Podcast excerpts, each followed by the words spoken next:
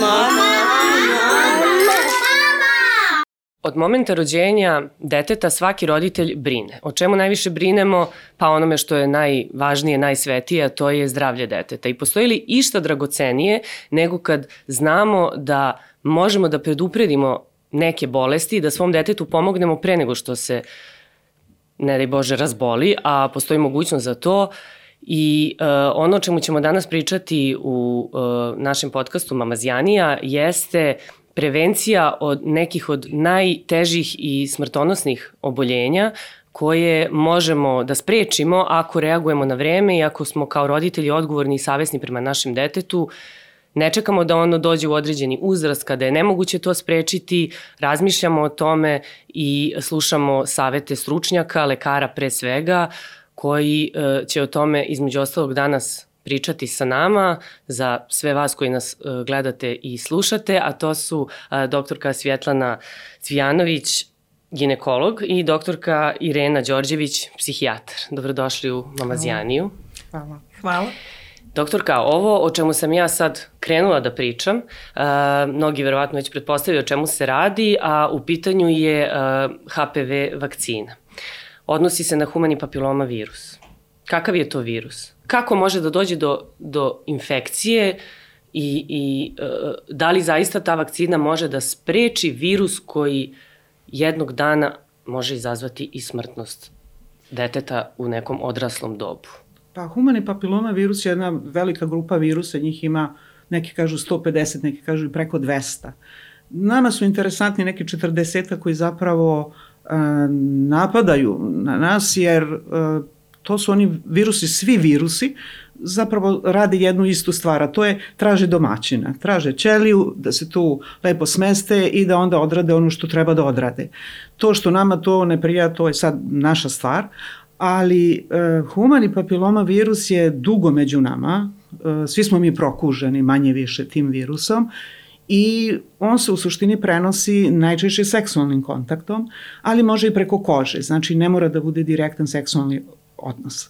E, virusi, u suštini i sami HPV virusi, su njih 40 vrlo prijemčivi za sluznice uh, u delu vagine, grlića materice, anusa i naravno ono što mi imamo kao orofaringealne u odnosima kada uh, zapravo ljudi imaju oralne ove, seksualne odnose. Tako da oni napadaju tamo gde i mi pružimo zapravo šansu. Velika grupa tih virusa je nama jako poznata još od ranije kad su krenuli takozvani kondilomi, odnosno kondilomi kao priča koja jako dugo traje.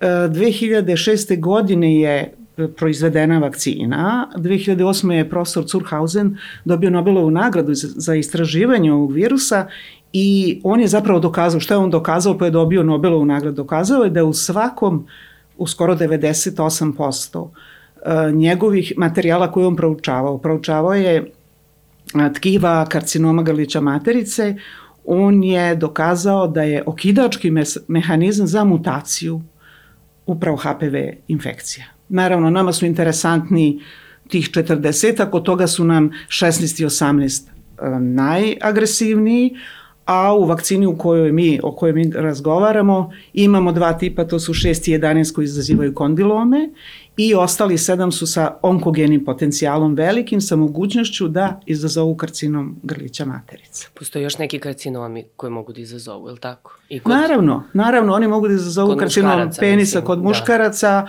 anusa naravno i kod muškaraca i kod žena, ali i orofarengealne, odnosno grkljana, prolaskom kroz recimo deca koja se rode mogu da pokupe virus i prilikom porođaja onda vrlo često imamo druge respiratorne probleme. Ono što je interesantno jeste da kad se pominje HPV uh, vakcina i, i infekcija, uh, roditelji nekako moraju da uh, razmišljaju o seksualnom životu svoje dece koje su još mala i verovatno većina njih ne želi da misli sad o tome i znate već kao to je kad porastu, ne znam šta će moje dete sad ispada da će biti promiskuitetom, da će ko zna šta da radi pa će dobiti taj virus. Ali kako da im predočimo da ovaj da je to prosto jel, sastavni deo života svih odraslih osoba i da moraju o tome da misle dok su deca mala. Tako je, ali, ali to, je, to je priča koja zapravo roditelj nijedan zapravo ne voli da priča na tu temu. Odnosno, nije da ne voli, nego je počinje da se osjeća neprijatno. Nisu to teme za razglabanje, znate. Ali je dobro da a, razmisle o tome da će na taj način vakcinacijom zaštititi svoje dete sutra od karcinoma, od raka grlića materice. E, mene vrlo često roditelji pitaju, ja nisam pedijatar i naša služba ne nosi tu priču kao što nose pedijatri, ali vrlo često zato što nama dovode devojčice, devojke i roditelji pitaju. I onda mi pričamo, pričamo i na kraju ja kažem samo jednu rečenicu, jer ponekad nemam ni vremena, a nekada imam utisak da roditelj me ne razume dovoljno ili možda ja nisam dovoljno jasna, ima i toga. Pa onda kažem, znate kako da skratim ovu priču, da ja imam dete tog uzrasta ili muš, muško ili žensko ili oboje, ja bi im dala vakcinu. Ako je to nekako I tu nekako završimo, znate, roditelji su uplašeni, ne znaju što da kažu, oko COVID-a je bilo jako mnogo problema sa vakcinacijom za protiv. Ovo je super, ovo je dobro, zato što je prvo država stala iza toga, ne država, mi kao društvo.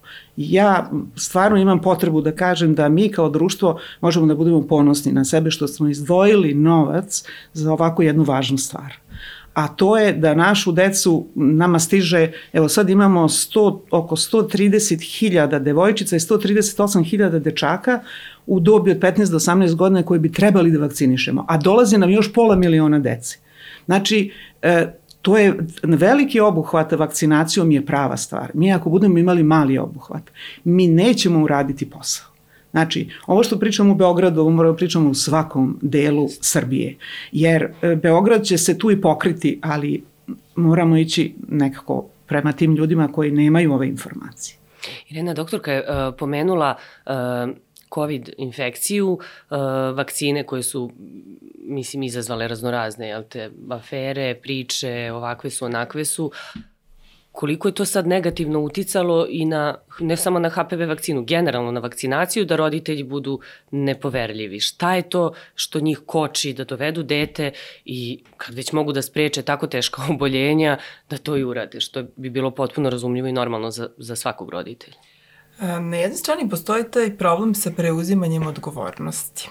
Znate, kada vam neko kaže da treba da popijete neki lek, a ne pita vas da li vi to želite ili ne, samo svojim autoritetom nastupi, onda vi to popijete i zaista verujete da će vam taj lek pomoći. Kada vas pita da vi nešto potpišete i da se saglasite sa tim da li želite da popijete taj lek, vi ćete onda biti onako preokupirani različitim idejama i tu onda roditelji dolaze, dolaze u problem problem. E, počnu da istražuju, onda e, tu se naravno e, potkrade nekakva sumnja, pa onda to ide dalje, negde onda kreću sa različitim pričama koje su čuli sa različitih strana i tako biva i za ovu vakcinu, a i za neke druge vakcine, jer imaju doživlje da oni preuzimaju da oni preuzimaju preveliku odgovornost na sebe, a radi se u stvari o jednoj potpuno precenjenoj ideji. Suština je u tome da nekako samom, samom činjenicom da se mnogo više govori o pravima uh, svakog čoveka, pa pravu pacijenta. Za svaku, uh, za svaku intervenciju je potrebno da postoji saglasnost, dobra volja čoveka da bi se, uh, da bi se podvrgao bilo koje intervenciji, pa između ostalog i da bi primio vakcinu ili znači bilo šta drugo. Tako je i u ovoj situaciji i pojenta je u tome samo da ljudi ne treba da, ne treba da na takav način prilaze tome da, da su oni zapravo odgovorni za ono za što nisu odgovorni. Potrebno je da se informišu kod stručnjaka, to je ono što je jako važno, da dobiju pravu informaciju od, od lekara, da prosto pitaju lekara i da dobiju informaciju. I to je jako važno kako i lekari na, nastupaju. Um, pre svega, ono što je zadatak svih nas lekara jeste da pružimo zaštitu i moć da uh, se oni čovek koji naspram nas osjeća da mi znamo o čemu pričamo, da imamo način uh, da mu pomognemo, da znamo korake uh, kako to da uradimo i da negde stojimo dobro iza toga. Zato je mnogo važan način, sam pristup, pristup lekara i samim tim ćemo i pomoći na takav način roditeljima da negde da se odluče da pomognu deci u perspektivi. Ono što je takođe problem sa ovim nepoverenjem kada su u pitanju uh, vakcine jeste činjenica da ljudi treba da preuzmu, da pre, uh, preduzmu neke korake, uh, da uđu u neku aktivnost, a da pritom ne vide jasno opasnost. I to je problem kod svih vakcina. Postoji jedna kategorija ljudi koji kažu za sebe da su zdravorazumski ljudi i oni zaista ne veruju ni u šta što nije observ, observabilno njihovim čulima, što ne mogu da observiraju sobstvenim čulima I oni imaju ozbiljan problem sa tim kada treba da, naravno između ostalog, se i vakcinišu, jer nekako ne vide tu opasnost. I zato ja verujem da bi i, i kolegije epidemiolozi da bi se saglasili da smo najbolji sa onim merama e, recimo tercijarne ili sekundarne prevencije, odnosno e, kada već dođe do oboljevanja pa onda kasnije kad treba da se zaštitimo od nekog e, ponovne neke epizode bolesti, e onda se pridržavamo. A kad je potrebno da to uradimo primarno, na vreme, e onda to bude problem i bude odlaganje. Upravo zbog toga što ljudi ne vide na pravi način u stvari opasnost od čega se to štite. I mi ćemo čuti često i roditelje koji kažu, a zbog čega vakcinišemo decu od nekih kao predostrožnost da ne dođe do obolevanja od nekih od, od nekih bolesti koji su davno iskorenjene na primjer. A zapravo se ne raspituju kod pedijatra i ne pitaju to pedijatra, već onako oni uzajemno o tome komentarišu i dešava se vrlo učestalo da uopšte ne vakcinišu decu. Doktorka, da, vi ste da. pomenuli pedijatre. da, pedijatra da. su tu ključni, oni su kičma ove priče zato što prvo oni su navikli da vakcinišu. Mi smo tu ginekolozi malo razmišljali, mislim, ne kažem razmišljali, ovi nisu, nego prosto malo drugačije se odnosimo prema svemu tome. Uh, Ali uh, ono što ja znam, 2010. je profesor Curhausen došao u Beograd, 2010. I on je tad zagovarao vakcinaciju. E, mi smo u tom našem ginekološkom svetu hteli da vidimo kako, šta, šta se tu dešava, a onda smo shvatili da nije još bilo prošlo petogodišnje ispitivanje. Onda smo stali i rekli čekajte, da vidimo kakve imamo reference za tu vakcinu. A onda je došlo ono vreme kad, mislim, ta vakcina je jako skupa ta vakcina je bila uvek 100 evra u, u nekoj protivrednosti, sad je oko 10.000, ne znam, tako nešto. Ako vi imate jedan put, pa drugi put, pa treći put, znači imate revakcinaciju, to je oko 30.000. To je veliki novac. 2019. E, je naša država stavila preporuke, treba da se vakcinišu. Onda su roditelji krenuli, neki roditelji, da se informišu o tome gde da nabavi vakcinu. Onda su je nabavljali Slovenije. Mislim, to, to, ta nabavka, možete zamisliti kako izgleda to ispod žita tamo negde u Sloveniji, neko kupuje vakcinu i donosi u Beograd ili bilo gde u Srbiju. Ali ja i dalje, sad vam kažem, to je veliki novac koji smo mi kao društvo uspeli da iz, iz nekako izvučemo iz svega ovog našega. I tu šansu koju mi sad imamo, mi smo drugi u Evropi po incidenciji, po učestalosti obolevanja od karcinoma grlića materice i to jako dugo traje. Mi ne padamo sa te liste, znate, ni, ni, nismo bolji. Ova vakcina je po meni šansa da budemo bolji.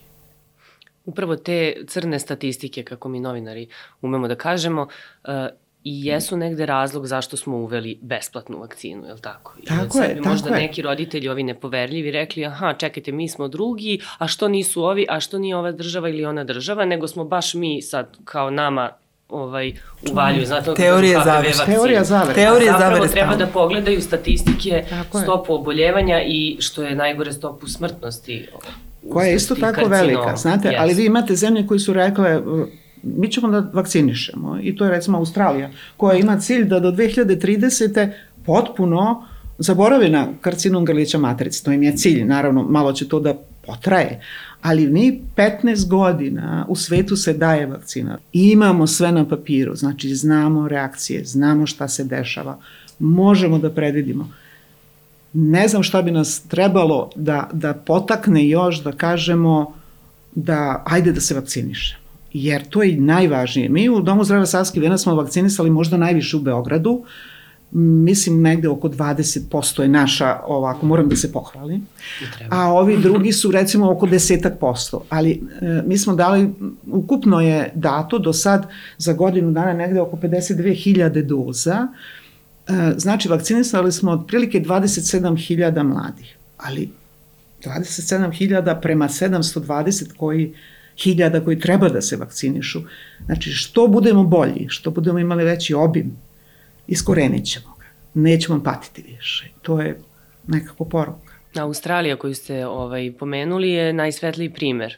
Jeste. Čak mislim da i u Sjednim američkim državama e, su naveli, ovaj, mislim, statistički podaci govore da je stopa oboljevanja Jeste, kao što je, recimo, onako, nama da su da godinama pričali o da. Finskoj. Finska koja je imala jako veliku incidenciju obolevanja i u nekom momentu su oni rekli, čekajte ljudi, ajde da vidimo da uradimo nešto, ovako više ne ide. Danska, Finska, Švedska, one danas mogu da se pohvale da su skoro pri kraju, da su eradicirali karcinom grlića materice.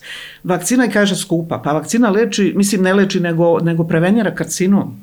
To ne može da bude kao vakcina koja je, ne znam, ova ili za ovo.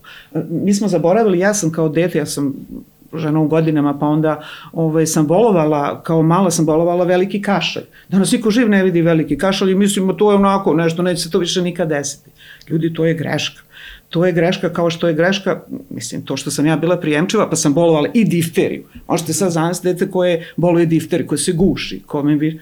Ali mi to ne vidimo. Znate, mi mislimo, aha, odvedemo dete na vakcinaciju i to je super, sjajno, A šta, šta protiv čega? Aha, dobro, to ta difterija i taj veliki kaš, da, nije neko, ne vidimo. Ali I dobro je što ne vidimo, samo da nastavimo da se vakcinišemo. A, a ne vidimo zahvaljujući vakcinaciji. Vakcini, tako je, tako je. To, mi smo se vrlo onako komotno sad ponašamo, o, nema, znate to. Ali prosto, ajde da ne vidimo ni karcinom. Znate, to je prva vakcina protiv, protiv raka. karcinoma. Pa da, imamo znate, ovo sad bolest, ajde poliomijelitis, ajmo da, generacije, pa znate koje su generacije ostajale invalidi u kolicima od polija. Mi to ništa sad ne vidimo, mi kao Pa dobro, Kao to je da bilo nekada, postoja. znate. Da, da. To sam htjela da kažem, razlika između pedijatara i vas ginekologa je u tome što uh, pedijatri trebalo bi da sugerišu vakcinu i da vakcinišu decu, ali vi ste opet uh, branša koja se suočava sa oboljenjem sa bolestom osobom. Vi ste videli kako izgleda kad se neko razboli, posebno mlade osobe, mlade devojke, jel tako, koje su tek počele da žive, Vi to, I mislim, bolje da ne, sa... niko to ne vidi, jer to nosi kući i to je, to je nešto strašno. Ali ne samo, ne samo mi ginekolozi, ne samo pedijatri, svi mi, prvo lekari. Na opštoj praksi, pa prvo vam tu dođu, pitaju vas svugde, lekari opšte prakse su onako sve obuhvati. Patronažne sestre koje ulaze u porodice, one nama donesu informacije iz porodice, to je jako nama značajno, znate.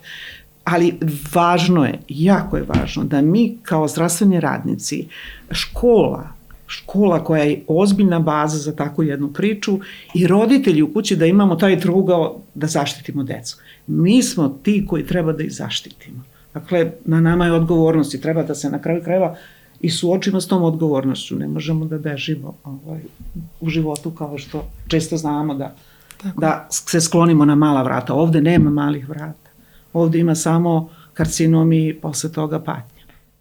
Da, a roditelji, to sam sad slušala od nekih pedijatara, roditelji koji dovedu dete da, se, da primi HPV vakcinu su onako prilično odlučni. Oni su odlučili da se dete vakciniše i uopšte ih ne zanimaju mnogo neka objašnjenja, saveti, oni su se informisali, raspitali, doveli su dete, jer postoji pedijatri koji kažu pa dobro nije vam obavezna ta vakcina, mislim i takve sam slučajeve čula, možete i ne morate, a trebalo bi baš da objasne i da, jel tako, usmere na, na vakcinaciju.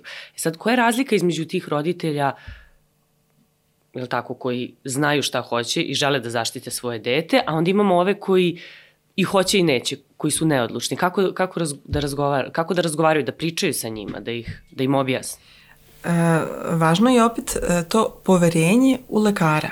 E, mi uopšte e, kada imamo u nekoga poverenje, on za nas ima moć. I mnogo je važno da svaki lekar nekako zna na koji način će pristupiti uh, tom roditelju, tom čoveku i odraslom čoveku, jer u suštini uh, svi mi kada smo u bolesti, mi smo u ego stanju dete. Mi smo u stvari vrlo regresivni i ponašamo se onako po onim obrazcima kako smo se ponašali kada smo bili deca. I potrebno nam je slično, a to je da neko uh, upravo, upravo nas zaštiti i da ima tu moć da mi njemu verujemo. način na koji će komunicirati lekar je izuzetno važan i prvo taj način podrazumeva pre svega poštovanje onog sagovornika koji je nasprem njega, negde razumevanje, empatiju, to je da razume kako se taj čovek osjeća, zbog čega je zbunjen, koje su to dileme koje su u njegovoj glavi, da razume apsolutno te emocije koje ta osoba ima i da mu ponudi savet, ali tako da deluje pre svega profesionalno, dakle da stane e, iza onoga što je e, što je stav nauke, jel, što, da, bi, da bi neka vakcina, da bi bilo koji lek u stvari došao do ljudi, on mora da prođe e, vrlo brojna e, ispitivanja da bi tek dobio dozvolu da bude, e, da, se, da se daje ljudima. Tako da je jako važno nekako da upravo i lekar stane iza toga, što e, nauka kaže, i e, s druge strane da opet ponudi e, i e, neke konkretne savete šta je to od čega će, e, od čega čega će ta e, vakcina zaštititi njegovo dete. Jako je važno ovo da ta e, vakcina štiti od karcinoma. I to je baš važno. E, s obzirom na to da mnogo ima roditelja koji upravo imaju tu predrasudu da nekako davanjem te vakcine oni daju dozvolu na promiskuitet. A to je potpuno pogrešno. Dakle, njihovo dete u perspektivi može da ima jednog partnera i da se dogodi baš da se zarazi. I to se učestalo i dešava. I tu je jako važno upravo govoriti vrlo otvoreno o tome. Mi smo društvo u kom se inače ne govori o polno prenosivim bolestima. Nekako roditelji kada razmišljaju o možda preranom stupanju u seksualne odnose njihove deca, oni češće razmišljaju o, o trudnoći potencijalno, nego o tim polno prenosivim bolestima, e, onda se o tome generalno ne priča, e, roditeljima je neprijatno da, da, da razgovaraju, ne znaju tačno kako da, da daju odgovore, ne znaju čak ni šta da pitaju decu i dešava se da u stvari deca se najpre informišu o tome od svojih vršnjaka. I e, negde onda i njih, i njima bude neprijatno, dobijaju polovične informacije, takođe informišu se preko društvenih mreža, preko YouTube-a i to sve predstavlja jedan ozbiljan problem, društveni problem. To kad ste pomenuli reproduktivno zdravlje, imate neke smernice kako da roditelj razgovara sa detetom, kako da mu, da mu priđe. I posebno kad je u pitanju HPV vakcina, ako treba da ide da, da se vakciniše, i devojčice i dečaci, što će doktorka kasnije objasniti zašto je to i za dečake bitno, već smo rekli da postoje i druga oboljenja, nije samo ono najteže, ja mislim, karcinom grlića materice, ali kako da objasne da im treba ta vakcina? E, važno je jako taj razgovor prilagoditi uzrastu deteta. E, važno je da, e, da, se o to, da se taj razgovor obavi, e, da ne postoji, ne postoji nekakva stega o tome da se, da se govori uopšte o reproduktivnom zdravlju.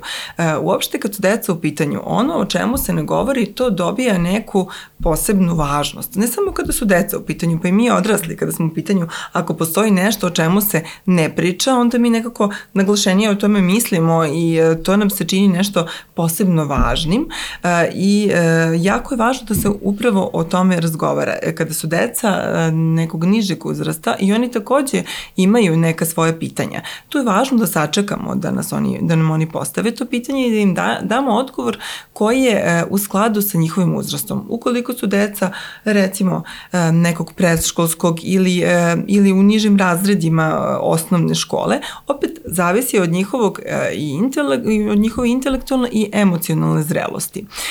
Mi možemo dati čak i neki, čak i neki opis koji bi bio onako možda i njima i nejasan do kraja, ali je važno da bude tačan.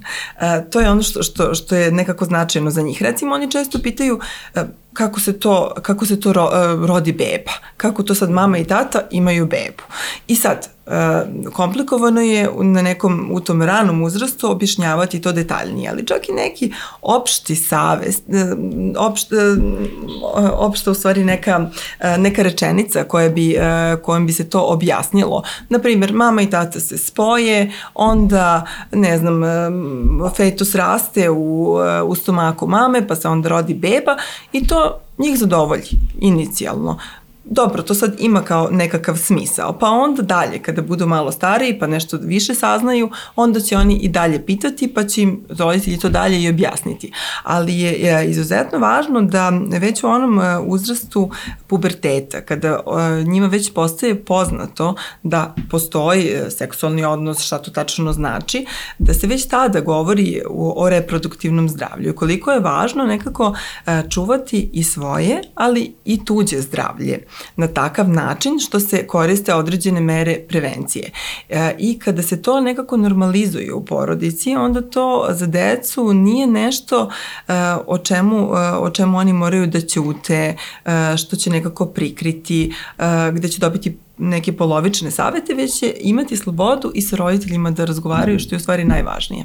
Da, ovo je interesantno ovaj, što ste pomenuli da roditelji se uglavnom plaše uh, neželjene trudnoće. I kad pričaju sa decom o prevenciji, uvek se nekako priča usmerava na uh, trudnoću i mislim i, i s dečacima kad razgovaraju i sa devojčicama, redko ko, uh, redko ko uopšte padnu na pamet uh, polno prenosive bolesti. A o, ovo što sam tela doktor kada vas pitam jeste kada pričamo o HPV vakcini, uh, uglavnom se, uh, ljudi uglavnom razmišljaju o devojčicama, vakcinacija devojčica, uvek su tu nekako devojčice, jer ovaj, pomislimo, je tako, na, na karcinom grlića materice i koliko je, to je, mislim, jedna jako surova, teška, jel ti, smrtonosna bolest, ali ovaj, mi imamo mogućnost da besplatno vakcinišemo i dečake.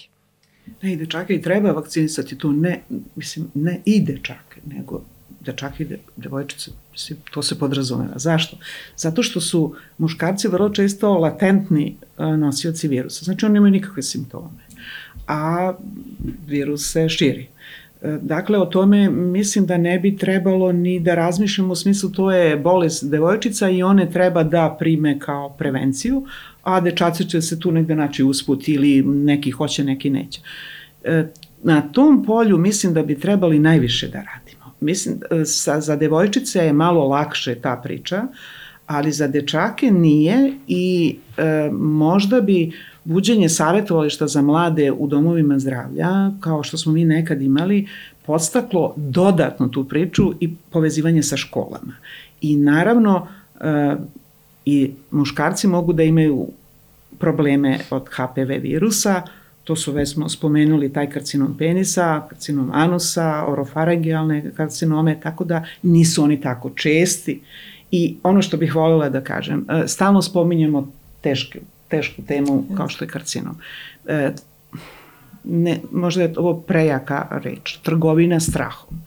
E, ajmo da spustimo to, ništa se ne dešava, devojčica ima 9 godina ili 10 11. Do 14. godine, ako se vakciniše, ide vakcina i revakcina. Posle 15. idu tri. Tako da e, mi to možemo da uradimo. Devojčice su sigurno i sa 15 godina će još više razgovarati sa roditeljima jer Kad oni... Kad je godnji limit za prvu vakcinu? E, pa vi možete njih da vakcinišete kako Amerikanci kažu do 26. Međutim, mi smatramo da je najbolji e, zapravo reakcija na vakcinu, stvaranje antitela ako je date što ranije. E, mi smo negde tu do 19. godine i toliko znači, možemo, možemo, tako je. E, ima, ima i, i ispitivanja kada već devojka uđe u seksualne odnose da može da primi vakcinu, jer vi ste možda pokupili dva virusa ili tri, ali niste pokupili svi sedam ili devet. Tako da bi i o tome trebalo prosto da se povede računa. Mm. Kao ginekolog pomenuli ste da ste radili, mislim, radite sa ženama i sa devojčicama, sa mlađim uzrastom, je li tako? I sad moramo da pomenemo u kontekstu cele ove priče uh, da li se i koliko uh, negde uh, spustila, da kažem, ta starosna ovaj uzrast ulaženja u seksualne odnose, koliko je, s koliko godina sada Pa znate kako, mi se obično zakačimo za neku... Što je bitno opet zbog vakcinacije jasno, da i da jasno. roditelji znaju. Pa ja mislim da je tu negde, početak negde oko 16. godine, e, ima i mlađih uzrasta, naravno, ali njih je procentualno manji. I, ali mi se stalno zakačimo za ti, oni već počinju da vode ljubav sa 14 godina. Ja mislim da to većina to ne radi. Prosto nisu oni baš tako a, hrabri i naravno da nisu osnaženi. To je dobro. ali ne, ne treba stalno prebacivati to vi tamo nešto radite, a mi, mislim, to, to ne postoji, takva stvar zapravo ne postoji. U posle, mi smo ranije imali mnogo više trudnoća u adolescenskom periodu, mnogo više. E, sad se i taj, jedna čak generacija mladih se odlučuje tek tamo negde oko 18. 19. godine da stupi u prve seksualne odnose ali je nama nekako to što neko je sa 14 godina možda imao abortus, išao na abortus, devojka, da je to nama, eto, to je to. Pa jeste, ima i takvih, ali procentualno njih nema tako mnogo kao što, kao što hoćemo da kažemo. Ali mislim nege oko 16. godine da je tu već onako ozbiljna priča i da, da i pod uticajem vršnjaka i pod uticajem medija. A treba li da se čeka uh, da devojčica uđe u, u ciklus menstrualni, pa da primi vakcinu ili ne, pre ciklus? Nema, nema apsolutno nikakve ne, to veze. I za to su neki ginekolozi pričali da ranije kreće ciklus iz nekog razloga ne. u poslednjim godinama. E, on kreće ranije zato što ovaj, više imamo hrane, imamo u izobilju hrane, mm -hmm. pa onda devojčice dobiju na telesnoj masi i onda je tu negde okidački mehanizam zapravo da one dobiju menstruaciju, ali obično su to nestabilne menstruacije i tu treba jako dugo dok one uđu u, u te neke stabilne cikluse. Kažem, nije, nije to ranije se dobijaju menstruacije, ali morate da shvatite ni ovo, svet napreduje. Vi danas ćete da optužite mlade ljude kako da ranije ulaze u seksualne odnose, a zatim ćemo da čitamo Šekspira u kojem je Julija se jeli, udala za, sa 13 godina, tako 14 za, za Romea, ili htela da se uda. I onda prosto su ljudi u ranijim, ovaj, u nekim vremenima brakom zadovoljavali svoje seksualne apetite, potrebe i rađanjem deci i tako dalje. A sad imamo dugu adolescenciju, jako dugu adolescenciju, sad bi oni trebali da budu u celibatu. Pa mislim, nije realno, je tako? To je prosto hormoni rade svoje, ali ih u tom momentu, to je, ja ih posmatram, ja ih obožavam zato što mislim da su oni najbolji deo ovog društva. Ja tako njih vidim, jer tu energiju koju oni donose, tu, tu bujicu kao kad brana probije pa onda, ali ih vi morate malo kanalisati, malo ih usmeravati. Ne treba njima mnogo, znaju oni više od, od nas na mnoge teme. Na temu HPV vakcine znaju, sigurno, čitali su, videli su, aha, rekao onaj, onaj. Pokupe oni te informacije. Ali znanje je to kad se ta informacija primeni. Znači, evo sad imamo informaciju, ajde da to primenimo kao, kao nešto. Tako da, mlade ljude obožavam, s njima sam jako dugo radila i oni su mi, ja sam od njih uvek krala energiju, mislim sad priznajem onako sebično. Pozemljiva. Pozemljivala. Pozemljivala sam, oni su je rado davali, pogotovo na tim našim radionicama koje smo prolazili sa psiholozima, sa psihijatrima koji su svako od njih da doprinos. Da, da, pa ovo što ste rekli, oni su u, u velikom broju slučajeva danas e, imaju više informacija nego roditelji. Imaju mnogo informacija. vremena da se informišu, a roditelji neki nemaju ni interesovanja. Da, da, roditelji su u ovoj, ovoj fazi sad, aha, ja sad treba nešto da odobrim. To što ste vi rekli da, na da, početku, da, da. šta ćemo sad? Pedijatri bi najviše volili da je to obavezna vakcinacija. To, mislim, da, to... većina pedijatara je prosto da. usmerena ka tome, ali ovo je dobro što je preporučeno. Ajde da se svi prepoznamo. Ajde da se vidimo kako reagujemo. I kao roditelji, i kao društvo, i kao... I koliko je lepo u stvari e, posticati tu kolektivnu odgovornost. E, koliko je lepo kada neko razume da na takav način štiti i nekog drugog. I e, nekako imam utisak da, da stalno nešto govorimo o tim ličnim granicama, stalno štitimo neke lične granice, nešto da neko ne ugrozi negde neko naše pravo i to nekako plasiramo i deci. I to je dobro i to je važno. Ali ove, hajde malo da im plasiramo i to koliko je važno da budu odgovorni i za druge. E, nekako svaki e, seksualni odnos, svako stupanje u seksualni odnos, e, koliko god godina da, da ljudi imaju, podrazumeva, podrazumeva određenu odgovornost. I taj nivo odgovornosti ne sme da se zanemari i prisutan je, kažem, u bilo kom, u bilo kom dobu. Važno je nekada mladi ljudi imaju problem, recimo, da ne koriste zaštitu, recimo, postoji problem, recimo, devojčica devojčica da, da traži e, da partner recimo koristi prezervativ e, kao, kao zaštitu, zato što se ona osjeća nekako e, da će, možda, možda će ga nekako povrediti time što će insistirati, pa možda će on otići od nje jer on to ne želi, a ona to želi i tako dalje.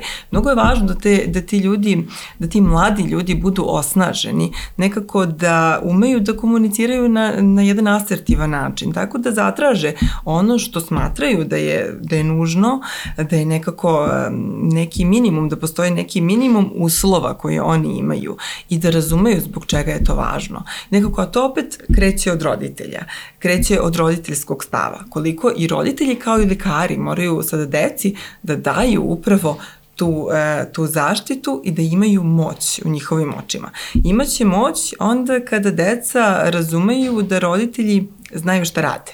Što bi značilo da roditelji e, razumeju i prepoznaju da nešto može biti problem, ali da isto tako imaju korake kako se taj problem rešava.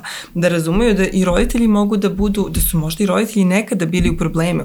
Nekada je u redu i da roditelji ispriča neko, neko sobstveno iskustvo. Opet naravno prilagođeno uzrastu deteta. Ali opet ako govorimo o toj e, populaciji, recimo u pubertetu, tinejdžeri, adolescenti, oni već mogu da um, sa njima se već može razgovarati uh, vrlo odraslo na nivou kao, kao i sa odraslim ljudima.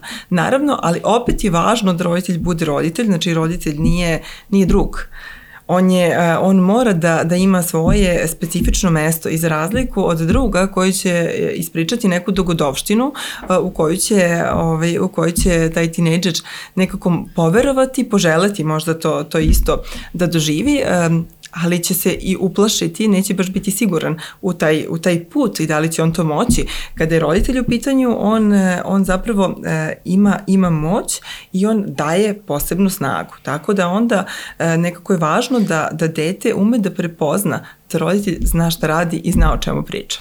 A pre svega je važno naravno da roditelj bude informisan i da se roditelj informiše na pravom mestu. Nekako ovaj, čini mi se i kad su vakcine u pitanju, eh, važno, je, eh, važno je koga pitamo za, eh, za vakcinaciju. Nekako ono što mi vidimo i u proteklim godinama, nekako da o vakcinama pričaju ljudi koji se time ne bave.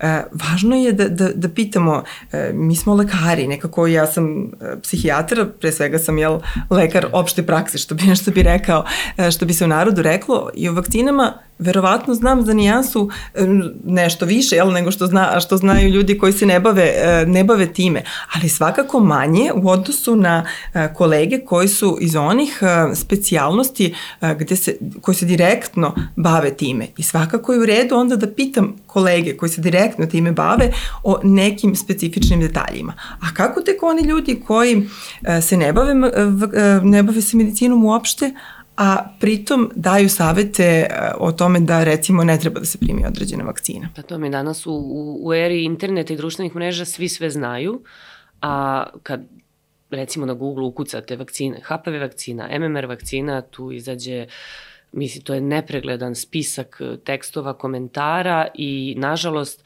čini mi se 80% je, dolazi od strane ljudi koji nemaju zaista nikakve veze sa medicinom, ali ih građani čitaju čitaju i onda upijaju ovaj, raznorazne, raznorazna mišljenja, stavove koji su ovakvi onakvi, uh, vrlo često su u suprotnosti sa onim što je uh, sa onim što zapravo ta, ta zaštita predstavlja, a uh, imunizacija kao takva, što ste pomenuli, jeste kolektivan posao. Mislim, i davanje MMR vakcine, polio, pomenuli ste, uh, i sad kad je, mislim, u vreme ovaj, pandemije COVID infekcija i HPV. Znači mi učimo našu decu ako ih vakcinišemo, učimo ih zapravo da štite i, i druge. Jel? Tako ne je, samo tako sebe je. i da onda i oni svoju decu jednog dana zaštite i takođe im prenesu to, jer to je jedini način da, da imunizacija opstane, tačnije da uh, ova, ova oboljenja, ova infekcija i humani papiloma virus generalno ovaj, ode u istoriju i da ga negde iskorenimo, eto kao što je ta Australija koju smo pomenuli više puta, ovaj, sada I uvek postoji, uvek postoji jedna grupacija um, ljudi koji, uh, nažalost, zbog toga što imaju određeni problem uh, sa, sa imunitetom, zaista ne mogu možda da prime određenu vakcinu. I između ostalog, tako što će se ostali vakcinisati u dovoljnoj meri i ti ljudi će biti negde zaštićeni. Tako da je i to isto važno. Uh, i, I o tome je važno da, da, da govorimo. Kao što je važno da kažemo da ova vakcina nije to, evo sad ćemo primiti vakcinu uh -huh. i završili smo posao. Nismo završili posao u nekom širem smislu, nismo završili posao tamo gde, ajde ako pričamo o neželjenoj trudnoći, moramo da, da radimo sa, sa mladima i sa roditeljima na, upravo na te teme da je kontracepcija jako važna, bez obzira što će neko reći, znate, on, uvek imate protivargument. E, kondom te ne štiti 100%. A šta je u životu to 100%? Ja bih volela da meni neko kaže, šta je to 100%? Nije ništa, ali imaš kondom, šta sad radimo? Nemamo, nemamo drugo. Znači, možemo da ga iskoristimo. Pa ko, to je taj procent. 70%. Odlično, ajde idemo dalje. Vakcinisali smo se, ajde idemo dalje. Pazimo na ovo, pazimo na ovo. Odgovorni smo. Naravno, Aleksandar Michael Smith u onim svojim čuvenim ovaj, e, knjigama je pošto on odrasta u Africi i kaže tamo postoji izreka da bi neko se dete podiglo, e, treba vam za to celo selo. Treba celo društvo da se podigne okay. jedna ličnost, zdrava ličnost. A i zaboravljamo da to vršnjaci, te, te lovačke priče, pa oni znaju da su to lovačke priče, tako? Ali ajde sad pustit ću ga da ispriča tu svoju lovačku priču.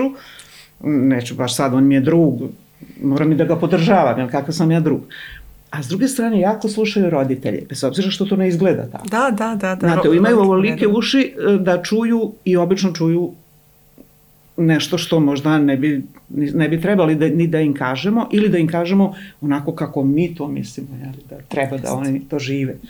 Tako da je veliki posao pred nama, ali ajde da ga počnemo jer imamo, imamo oružje. Da, ali na, na sve moguće načine treba govoriti o prevenciji. Znači, to je ona stara izreka bolje sprečiti nego lečiti, koja je jedna velika istina, jer prevencija ne samo što nama olakšava i, i štiti naše zdravlje, čak i finansijski kažu ovaj, stručnjaci isplativije, isplativije je, mislim, sprečiti eto i oboljenja koje, koje smo pominjali, nego ih lečiti i koristiti raznorazne terapije i mučiti se i, i tome slično ali prevencija u svakom smislu treba da, da se ono digne na, na pijedestal. Prevencija je zapravo on, ono čime treba da se bavimo najviše, a time se najmanje bavimo. Tako je. Mislim najmanje. Bavimo se koliko možemo u okviru svog posla i tako dalje. Ali preventivan rad se ne vidi odmah.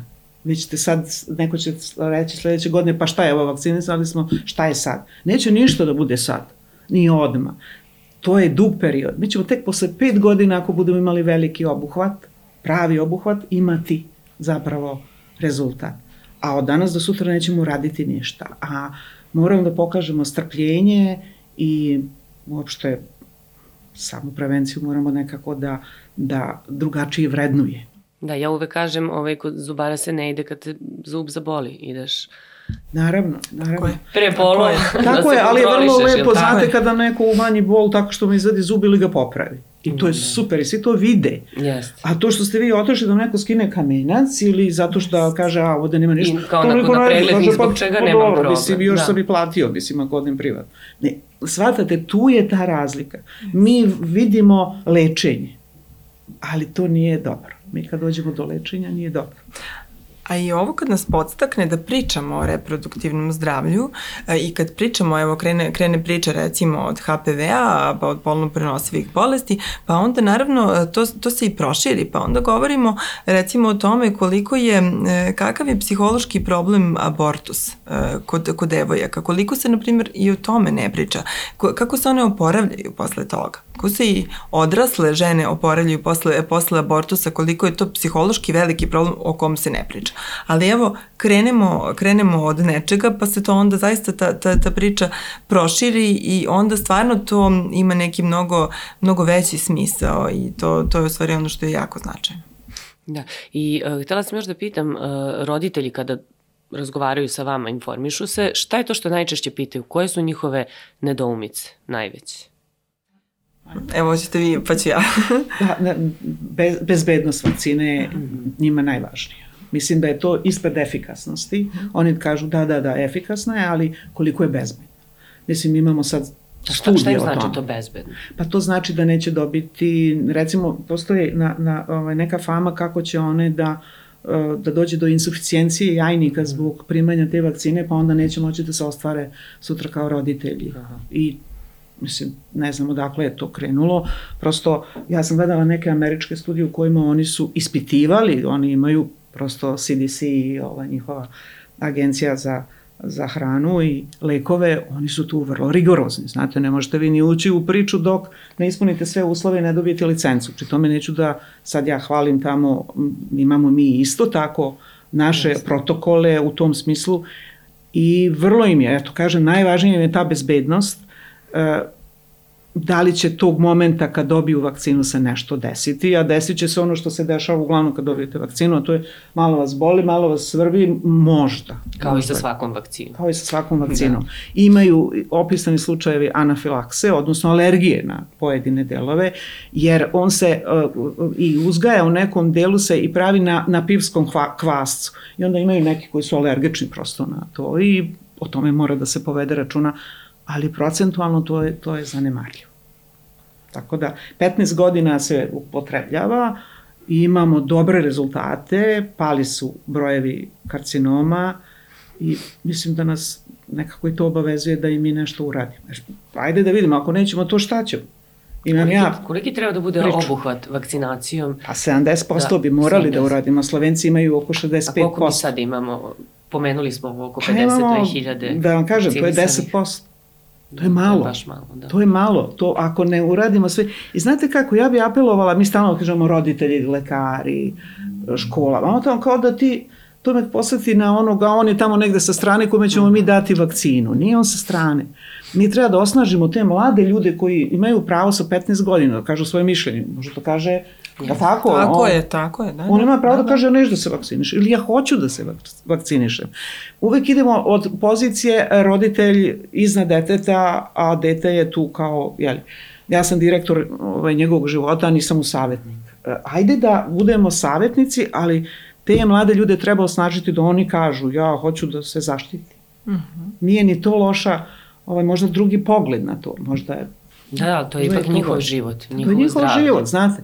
Roditelji odlučuju o mnogim stvarima, naravno, znate i sami. Ide se na odmor gde roditelj kaže, ide se, kupuju se šta se, ali u tom delu, pogotovo što oni imaju 15 godina, oni imaju pravo da kažu ja hoću da primim vakcinu. Ali šta bi bilo u glavi roditelja kojem dete odraste i oboli i onda on pomisli, aha, evo, mogao sam da zaštitim dete, mogao sam da ga odvedem na vakcinaciju, a nisam zbog, eto, tih nekih uh, laičkih ovaj, mišljenja i, i Nije strahova o bezbednosti i tako dalje. Nije loše o tome, o tome misliti unapred, upravo to. Kako bismo se osjećali ako bismo e, saznali u jednom momentu da smo mogli nešto da uradimo, a upravo to jest, ne, jesu negde stalno razmišljanje roditelja. E, da li mogu nešto da pogrešim, šta je to što treba da sagledam i e, ono što upravo sad razmišljam dok koleginica govori, u ovom psihološkom smislu kada roditelj uopšte dođe do toga da se raspituje, to je već dobro. E, jer uglavnom ima onih koji to potpuno stavljaju po strani. Znači uopšte to, e, uopšte im to nekako e, nije neka tema za razmišljanje. Oni su to već odbacili i uopšte o tome ne razmišljaju. To je ono što je najčešće. Tako da oni kad već e, dolaze sa dilemom da li ili ne, to je već nekako jednostavnije jer oni već jesu nekako na putu ka toj odluci i onda je samo važno upravo im dati ispravne, ispravne informacije i nekako e, stajati čvrsto iza onoga što govorimo i naravno e, predvidjeti koji su to njihovi strahovi. Nekada je dobro i to njima jako znači kada im, e, kada im mi kažemo nešto što njima neprijatno da izgovore. Evo kao što smo malo pre ovaj, spomenuli da se dešava da oni u stvari ovaj, osjećaju kao da e, ne treba da, da govore u stvari o, o uopšte, uopšte o seksualnom životu njihove dece, da im je to, da im u stvari, da im je neprijatno da o tome govore i da je to nekako višak i onda kada im mi kažemo pitamo ih konkretno pretpostavljam da vam je neprijatno sad da o tome razmišljate, ali hajde, hajde polako da zajedno pričamo o tome, pa i mi nekako damo neku perspektivu nečega što, što bi bilo u budućnosti, pa možda ih vratimo na neki period njihovog odrastanja i na sva iskušenja u koje su oni ulazili, e onda nekako to bude, to bude bolje, bude prijemčivije i e, mislim jako važno jeste ono, e, opet s početka što sam navela, taj doživljaj lične odgovornosti. Nekako um, ljudi imaju problem sa tim da preuzimaju neku jako, jako veliku odgovornost i onda ulaze u to uh, stalno razmišljanje, ono, ono što se zove popularno overthinking, jel? Ove, pa stalno onda u krug razmišljaju da li, da li se mogao nešto više, da li mogu nešto drugačije. E, ono što oni mogu upravo jeste to da iskoriste uh, upravo taj uh, resurs moderne medicine, a to je uh, da, da vakcinišu decu i da na takav način učine, e, učine prevenciju, ono što je u stvari u ovom trenutku njima, njima jedino i dostupno, jel? A možda je to i dobra tačka polazno da počnete da pričate sa svojom decom o reproduktivnom zdravlju. Jeste, apsolutno. sam te na vakcinu, pa nisam te doveo tek tako. Da, da, postoji razlog popričam za to. pre toga, popričam posle toga. Aha, a sad ćemo dalje da razvijamo tu temu. Možda je prosto dobar moment i dobra početna Jest. tačka za priču. Jeste. No, gde možemo da se informišemo? Gde naši gledalci, slušalci, roditelji pre svega mogu da nađu prave informacije i najznačajnije i, i ono reč struke?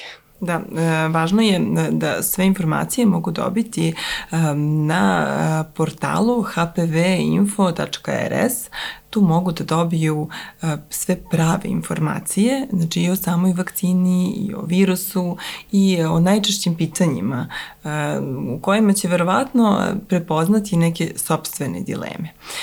I nekako mislim da, da je možda ovo i najbolja, najbolja poruka, da u stvari to jeste možda tačka od koje možemo da krenemo kada razgovaramo sa svojom decom o reproduktivnom zdravlju, a e, nikada nije, nije rano, bar na nekom nivou nešto pričati o tome e, i e, opet različito ono što, što smo i rekli e, kako sa, sa decom koji su mlađeg uzrasta s obzirom e, da su vakcinom obuhvaćena deca uzrasta od 9 godina pa naviše, opet je važno kako ćemo predstaviti detetu od 9-10 godina šta je ta vakcina, od čega ga štiti.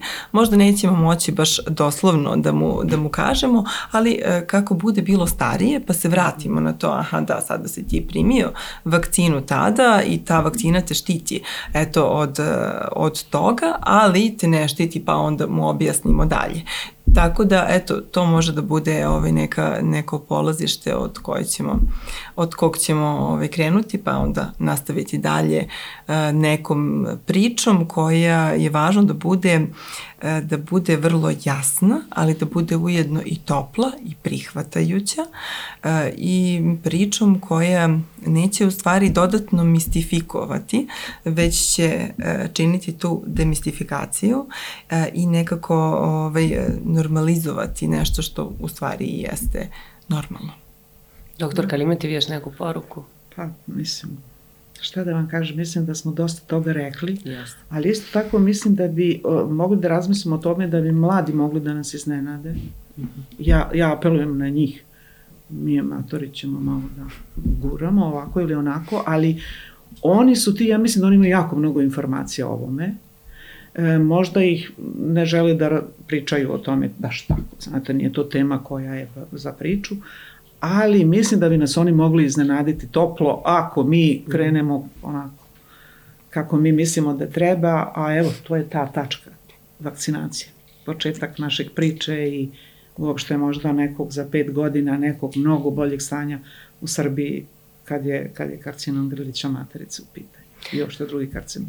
Hvala vam mnogo na, na gostovanju i na stručnom razgovoru savetima pre svega za roditelje o HPV uh, vakcini, a ono što ja imam da poručim našim gledocima i slušalcima jeste da ako niste do sada dete za ruku i povedite ga da primi HPV vakcinu, zaštitite mu zdravlje i život, što je najvažnije. Hvala vam što ste bili sa nama.